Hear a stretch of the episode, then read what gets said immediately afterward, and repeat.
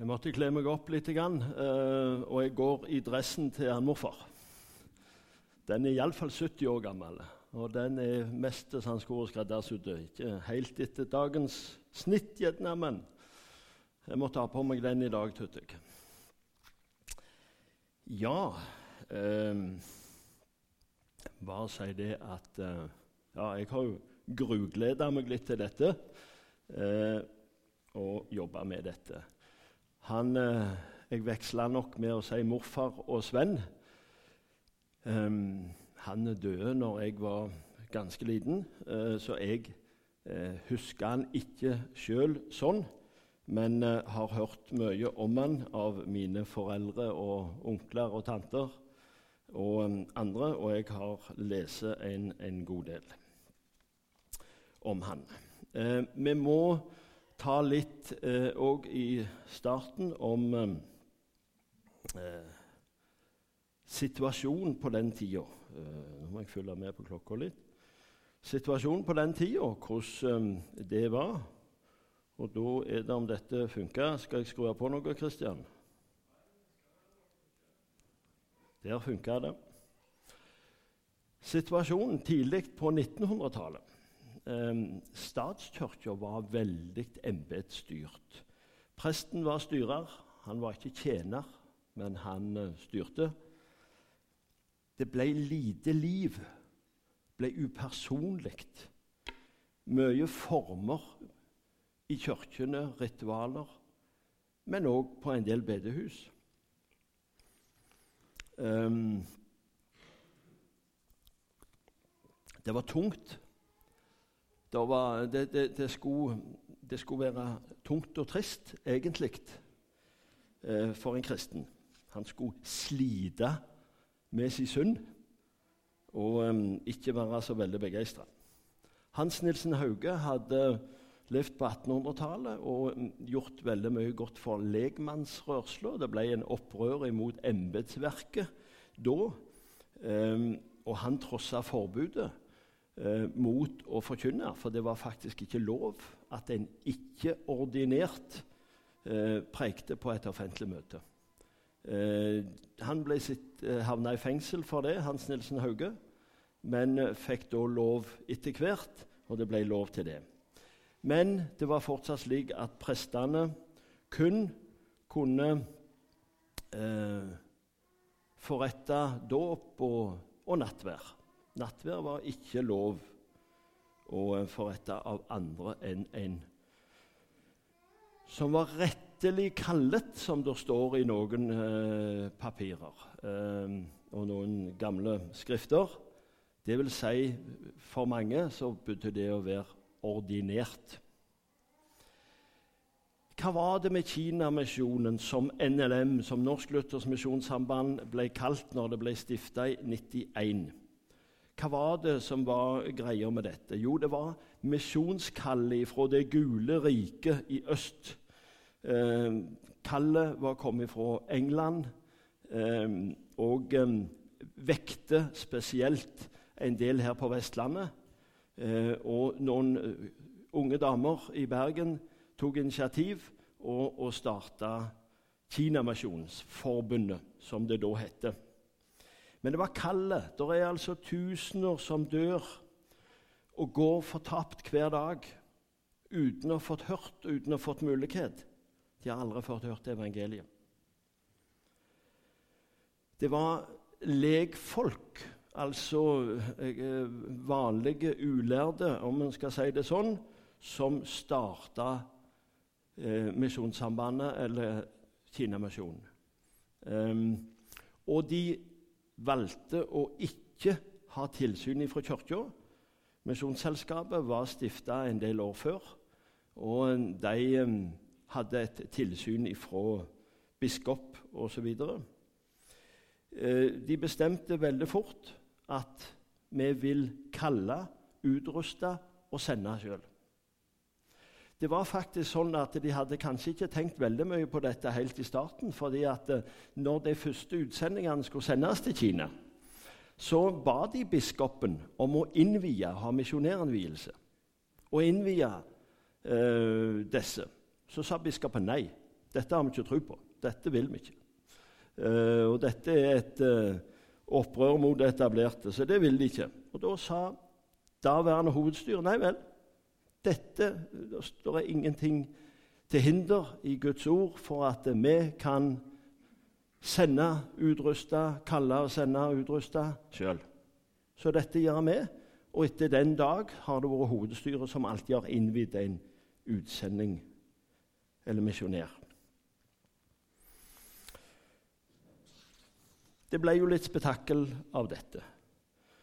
Uh, og så skal jeg da gå inn på min morfar, Sven Follønn, som var født i 1878 og døde i 1953.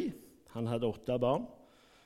Ei fantastisk kone, eh, min mormor, som jeg husker godt. Um, han morfar var nok en streng herremann og streng hjemme. Han hadde åtte unger, som sagt. Guttene særlig de var nok noen villbasser, og de turte og drakk i ungdommen. og og, og um, En onkel min fortalte at når um, han far reiste på mandag og skulle på møteuke, så senka freden seg i huset. Så jeg har ikke noe ønske om å kaste et og lage et glansbilde av en helgen som var feilfri, for det var han ikke. Han var heller en Peter som um, kunne bli brukt, tross sine uh, feil og mangler. Um, han var som sagt strenge. Um, de sier at far min, pappa, han gjorde sitt dødssprang en gang. For han hadde vært, når han begynte å springe etter huset og ble mamma, så um, var han der på besøk i huset hos um, Sven og Brynhild og var på, i andre etasjen hos mamma på rommet hennes og regna med at han Sven ikke kom hjem, noe han gjorde. Og han hørte at han kom nede i uh, entreen. Og da hadde han pappa en utvei, og det var å lukke opp vinduet i andre etasje og hoppe ut. Så det var dødsspranget, sa de, som han gjorde fra andre etasjen. Så um, det var nok litt respekt. Ungene fikk eh, holde seg fint rolige, så mye at de um, fikk uh, fred til å forberede seg, og når han skulle hvile, så skulle han hvile.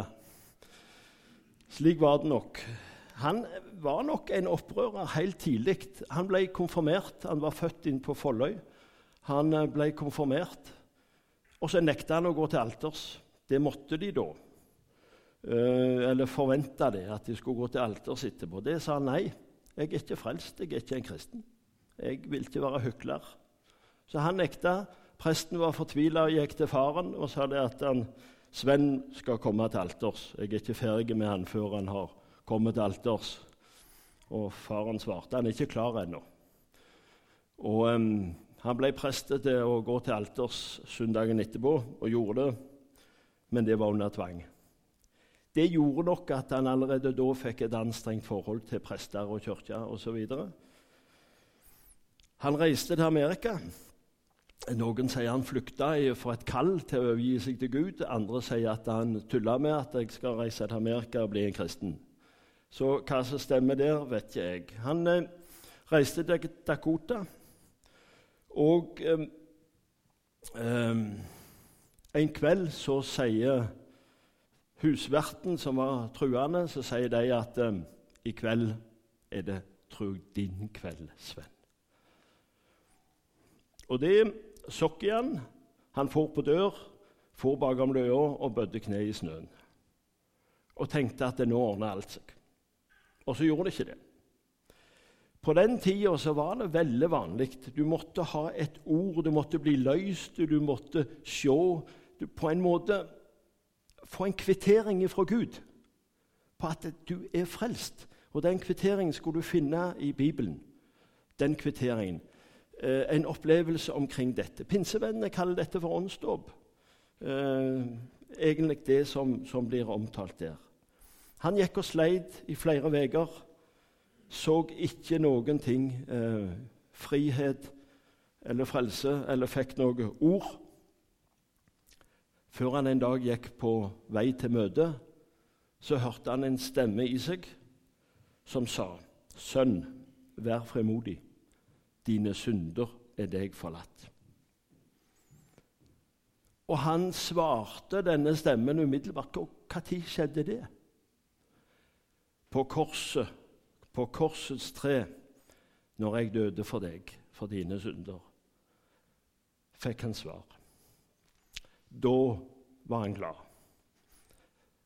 Da var han frelst. Da eh, hadde han fått noe kvittering fra Gud. Og eh, rett etterpå så fikk han òg en eh, ny stemme eller opplevelse som sa 'Gå hjem til ditt hus og fortell hvor store ting Gud har gjort med deg', hørte han. Og det var i klartekst 'reis hjem' og forkynn evangeliet for kameratene dine. Han um, reiste hjem. Han gikk i land 3.2.1903 og hadde sitt første møte 5.2. Så det må ha gått raskt med både planlegging og det hele. Uh, han var jo ikke ansatt i organisasjonen, eller noen ting, men han fikk snart sin plass i Kinamisjonen. Og det gikk jo store vekkelser over bygdene, særlig i um, Ryfylke. Hva var det som var spesielt uh, med forkynnelsen? På, på den tida så var veldig mye, som jeg sa, stivt, og de, de kristne skulle helst gå med luta rygg og se tunge ut. Du skulle se på dem at de sleit med synda. Det var liksom du skulle, ikke, du skulle ikke være glad og lette, um, men du skulle angre. Um, og så kom da morfar, og, og han talte. Og så brukte de òg ofte litt tilgjort stemme, og de snakket ofte på stivt bokmål når de skulle preke. Og så kom da morfar med en Ryfylke-dialekt og snakket på helt folkelig vis, akkurat som han gjorde når han traff kameraten sin eh, og, og, de andre som var på sjøen og fiska, og snakket akkurat likt. Um, og jeg, jeg, skal rett og slett lese noe som står i ei av bøkene som er skrevet om han. Og Det er en journalist i Aftenbladet som skrev dette når han, morfar var 25 år. Så gikk vekkelsens leder, en hjemvendt amerikaner, Sven Folløen, opp i kordøren for at tale. En ung, godt utseende mann, 5-26 år gammel, under setsi. Hva betyr det? vet ikke. Mørkt hår og mørke mustasjer, frisk hudfarge. Hans stemme er lys og klinger bra. Det lyder distinkt uten å være skjærende. Hans opptreden er naturlig, uten brask og bram. Av og til litt myndig, kanskje til dels en smule selvsikker. Dog ikke så at det jevnt gode inntrykk lider derved. Iallfall ikke i denne forsamling. Han taler klart, greit, benytter det dagligdagse språk og føler seg øyensynlig bedre til mote ved dette enn ved bokspråket, som i hans munn klinger tillært. Talen ledsages av bevegelser med løftede høyre hånd. Hans opptreden er dog alltid forholdsvis rolig. Det, det var altså uvanlig å komme rakrygga og, og, og være glad Eh, vi kan jo undres på det i dag. Og som du sa, Hilde, eh, vi skal glede oss i Herren. Det står mange plasser. Så gjorde han et opprør imot haugianismen, og det er litt spesielt. Fordi at Hauge gjorde fantastisk mye bra. Det gikk store vekkelser over hele landet med Hans Nilsen Hauge.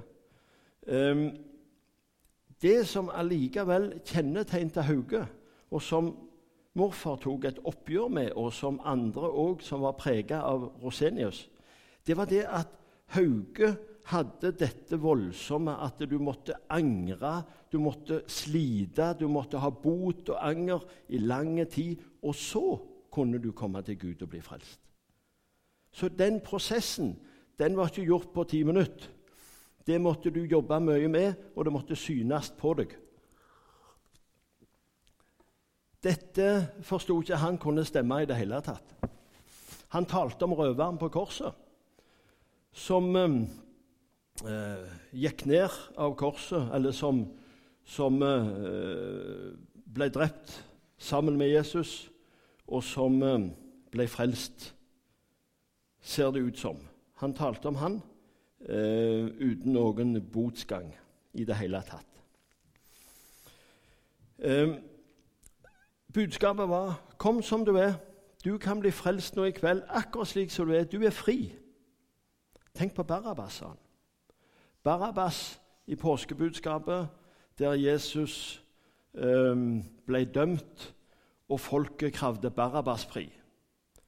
Som um, var en røver og en morder og hadde gjort mye gale, tydeligvis, og fortjente, kan vi vel si.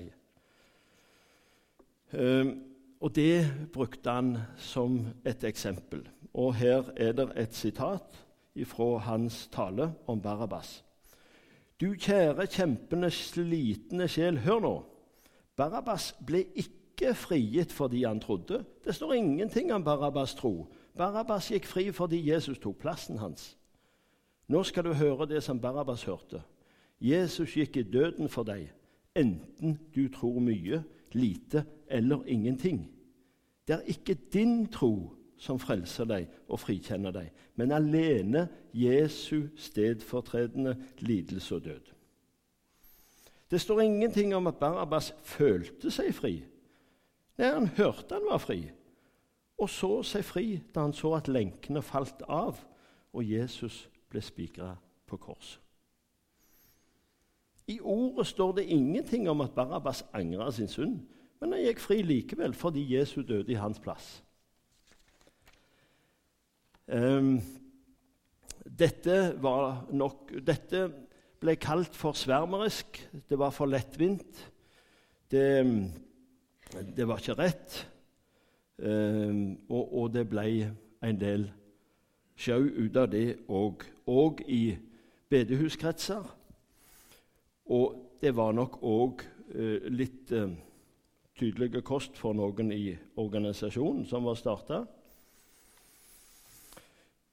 Han var direkte. Han talte til deg og til deg. Du må omvende deg, ellers så går du fortapt. Det er ditt liv det gjelder. Det var ikke den der generelle store. Men, men du kan bli frelst i kveld. Men du må omvende deg. Det samme gjelder i dag. I min bibel 100 år etterpå så er fortsatt ikke fortapelsen sletta ut og skrevet bort. Selv om han blir lite snakket om. Men budskapet om Jesus er slik. Vi kan ta imot det akkurat som er. Akkurat som røveren gjorde på korset. Han erkjente sin synd. Han trodde at det var Jesus Guds sønn som hang på sida av seg. Han trodde det. Han var frelst midt i sin elendighet. Det kan du òg tro i dag. Så sa han noe som en kan undre seg litt over. Det var mange som omvendte seg, men det var noen som gikk forbi korset. Med det mente han å si at hvis du tror du kommer til himmelen fordi at du har gjort en handling og bestemt deg, og denne handlingen fører til at du er frelst, så tar du feil. Det er kun fordi at Jesus døde og gjorde opp og sona din straff, at du kommer til himmelen. Og det skjedde på korset. Og Derfor sa han at det var dessverre noen som gikk forbi korset og bygde på det de sjøl hadde gjort. Han, eh, det ble sagt at han hadde omsorg for, eh, sjelene og for de han hadde med seg. Han hadde med seg ofte noen nyomvendte fra ulike plasser eh, som han så det var noe med. Og Så tok han dem med, og så ba han de vitne eller synge på møtene. Og så var de med. En av disse var en som sikkert mange av dere har hørt om, Arne Oddo fra Sauda. Um, han uh, begynte å reise, hadde stor respekt for denne noe eldre mannen som alle hadde respekt for. Han bodde på samme rommet, så han, når de var rundt Jeg tror av og til så måtte de helst ligge i samme senga, for det var ikke så mye rom, og det var mye unger i huset. Eh, og så forteller Arne Ono at han våkna en morgen, og ofte hørte han om morgenen i fem-seks-tida når han Sven våkna, så begynte han å be halvhøyt for folk, for bygda, for de der og han der. Og så hører, sier Arne nå, og så ba han for den gilde bakerungen ifra Sauda som er med meg. Du må ta deg av han. Og det, det rørte han Arne. Det sa han, det glemte han aldri. At han um, var opptatt av han. Han tok med seg nye impulser fra Amerika. Um, Vitnemøte, bønnemøte, det var ikke vanlig på den tida. Da skulle det være eh, ordna med det som skulle sies og gjøres. Men eh, her ble det vitnemøter mot slutten av møtet og bønnemøte etter hvert. Og det kunne bli langt på natt. Og da gikk innbydelsen tydelig. Og eh, det er mange historier om det, hvordan han kunne kommentere de som eh, prekte. Jeg må, jeg må si litt om det. Er det jærbuer her, forresten? Eh, vi ryfylkinger sier det er en del forskjell på jærbuen og ryfylkingen. Jærbuen er noe treg, og det må ha lite grann tid å snakke litt rundt grauten og tar det litt med tål. Um, mens ryfylkingen, mener vi, er kvikke og, og litt rappkjefta og direkte og sier alt som det er. Um, og hva som er vist og galt alltid, det er en helt annen ting. Men um, han var nok en typisk ryfylking og klarte ikke tida stilt. Um, av og til så sa han, og igjen sier jeg, det var liksom vanlig når de skulle vitne, så måtte de òg legge seg til et sørgelig språk, og det var trist og tungt, og de hadde det vondt, og det var ikke så godt, og det var slik og sånn. Snakk som du pleier, og ikke lag deg til, sa han av og til til de som reiste seg. Jeg vet ikke hvordan det hadde gått hvis hun Hilde hadde sagt det her i misjonssalen. Eller 'Ola, nå må du være kort', sa han. Og de sier òg om det er sant, det tviler jeg mest på, men det er ganske godt allikevel. Det var, når det var da eh, at de skulle eh, kunne be om forbønn eh, Er det noen som trenger forbønn, eller noen du vil jeg skal be for, dere vil jeg skal be for, så må du gi det de kjenner, sa han. Og så var det en som på hvert eneste møte retta opp hånda. Så sier de han sa du kan be sjøl, du, Syvert.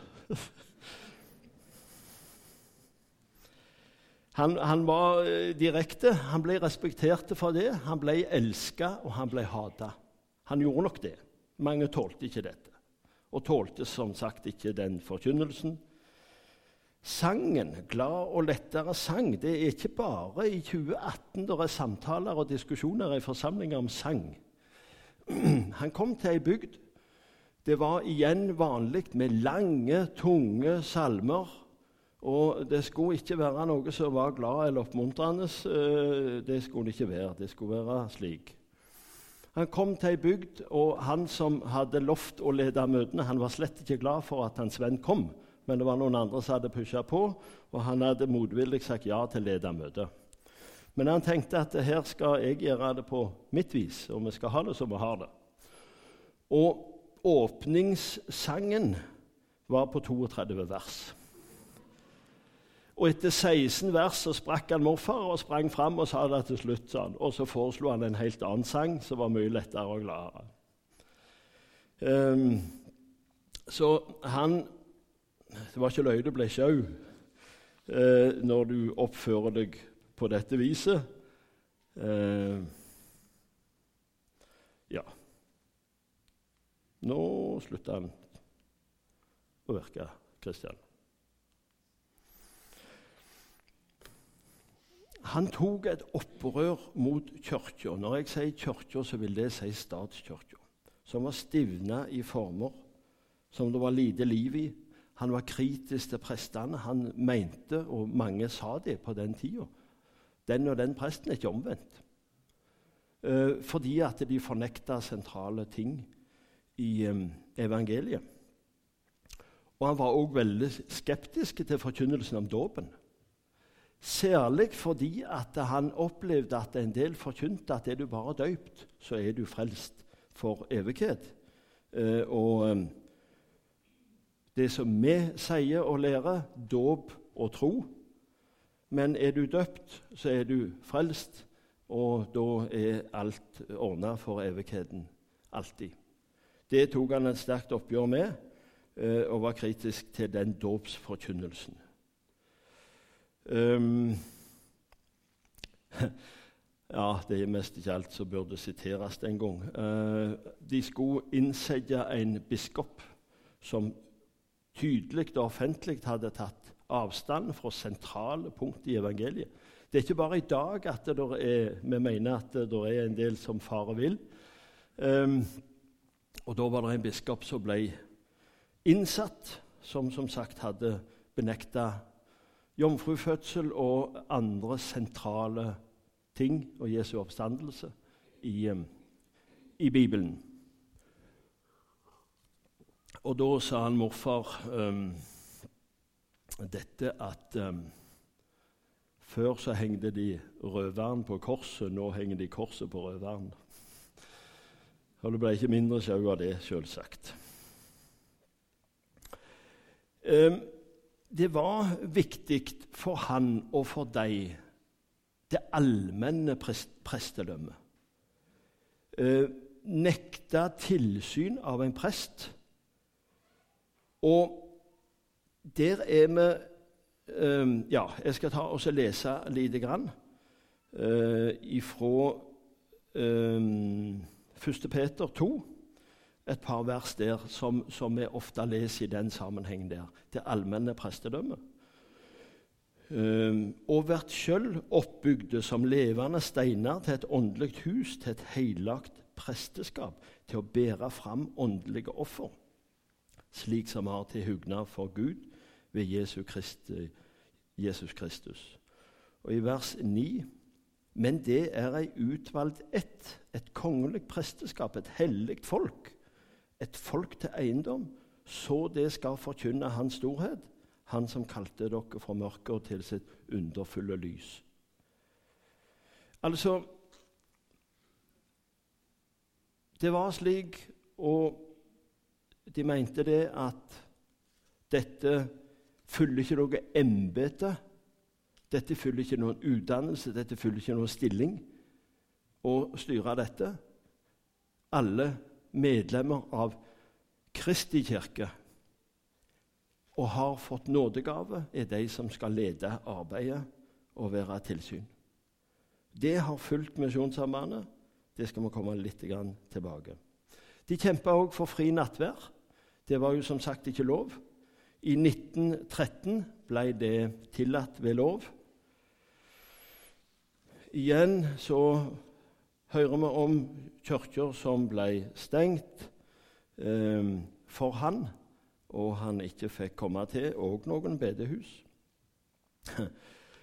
Og han var ikke snauere at han òg var på sin egen kretsledelse i misjonen. Han var jo ansatt i Kinamisjonen. Um, og var opptatt av at de unge måtte bli frelst. De unge måtte vinnes. Han var uh, sjøl kalt til å gå hjem til sine kamerater. Og um, han lanserte tanken om å bygge en kristen ungdomsskole på Jæren, Tryggheim. Um, og Det ble mye diskusjoner. Kretsstyret sa enstemmig nei til å bygge Tryggheim. Dette ville de ikke. Allikevel så forberedte han seg og tok dette opp på kretsmøtet og fikk kretsmøtet til å vedta at vi skal bygge Tryggheim mot kretsstyrets enstemmighet. Og etterpå de hadde gjort det, så valgte de kretsformannen til leder for byggekomiteen. Um, det var Tryggheim, som da ble uh, bestemt bygd. Um, så han kjørte på uh, og, og, gjorde som han hadde tro for. Og det har vel gitt gode resultater på en del områder. Det er òg en historie han samla inn penger til Tryggheim når de skulle bygge Tryggheim. Han, han var litt reven for det at han hadde viss peiling på hva folk hadde av penger. På Jæren hadde de mer penger enn i Ryfylke, for der hadde de større gårder. Så han farta rundt på Jæren og forberedte seg med å sjekke ligninga, så de så hva de hadde. Og så foreslo han et beløp, hva de burde gi. Så kom han til en bonde og så sier han, du, jeg tror at du skal gi 1000 kroner til Tryggheim. sa han. Nei, det er jeg ikke sikker på. Det må jeg, det må jeg ta opp med Vår Herre, sa han. Nei, det skulle du ikke gjøre, for da må du ut med to. sa han. Og penger fikk han. Alle ungene hans gikk på Tryggheim. Eh, jeg tror òg jeg kan si at alle ungene hans etter hvert omvendte seg til Gud, og mange av dem ble ledere i sine kristenflokker. Kanskje like mye takket være mormor, som var den stødige hjemme, for å si det sånn. Så det er ofte en morfar som får oppmerksomheten, men uh, jeg tror ikke den familien hadde sett sånn ut uten mormor. Hva har kjennetegnet Misjonssambandet eh, og Kinamisjonen i de første 100 år? Vi har brukt noen begreper og bruker noen begreper. Vekkelsesbevegelse. Du må omvende deg, eller så går du fortapt. Det har vært et gjennomgangsbudskap. Vi er født på den brede vei. Det er én vei til frelse. Um, og du må komme til Jesus. Du må gi deg over til Gud hvis du skal unngå en fortapelse. Eh, Johannes 3, 16 kjenner vi. For så elska Gud verden at han ga sønnen sin den enbårne, for at hver den som tror på ham, ikke skal gå fortapt, men ha evig liv Legmannsbevegelse. I den tid så sa de i kirka, men ikke av under kirka. De var og, og støtta at de skulle være medlemmer i kirka i vår organisasjon. Um, kanskje underlig nok. Jeg tror de så litt praktisk på det. rett og slett. De tenkte at uh, bryllup og begravelser og en del sånne ting det det kan Kirka ta seg av. Det er statlig uh, finansiert, og det kan de gjøre. Vi skal prege folk til omvendelse, og vi skal sende ut misjonærer. Det var eh, deres Oi, klokka går. Eh, det var deres eh, eh, kall. Så det var det at vi, som vi har sagt før, vi styrer oss sjøl, og vi eh, har vår plass der. Nådegavebevegelse vi vil kalle, vi vil utruste, vil sende. Årsmøtet er i vår forsamling det høyeste organ. De velger sine ledere, um, som igjen er leder for forsamlingsleder. Og vi har alltid sagt at vi vil ikke ha de kirkelige strukturene med en prest, med en prost som styrer han, og en biskop som har tilsyn med han. Mens um, vi har valgt blant nådegavene i vår forsamling og vår midte, så velger vi våre ledere. Eh, og i krets og i, eh, på landsplan så er det generalforsamling som er det største og høyeste organ. Og vi trenger ikke noe annet. Vi nærmer oss slutten. Um, hva er viktig for NLM i dag? Jeg tenker det er det samme. Vil vi til himmelen, må vi omvende oss og bli frelst. Jesus er den eneste veien. Det går om Golgata, om Jesus sin død. Og de som ikke går fortapt, det er det som er det alvorlige. De, går, de som ikke omvender seg, de går fortapt. Det er alvoret i det. Nådegavebevegelse. Nådegaven skal virke. Ikke la embetet styre. Legmannsbevegelse. Det allmenne prestedømmet med alle prester. Uh, og uansett utdannelse, tittel. Og så er det det store som vår organisasjon har fått hatt hele tida misjon. Det er noen der ute. Det begynte med Kina, og i dag er det de minst nådde som er vårt kall. Skal de gå fortapt, de to-tre milliardene som ikke har hørt, som aldri har fått hørt, som aldri har fått en sjanse, som dør uten å høre, hva gjør vi med det? Amen.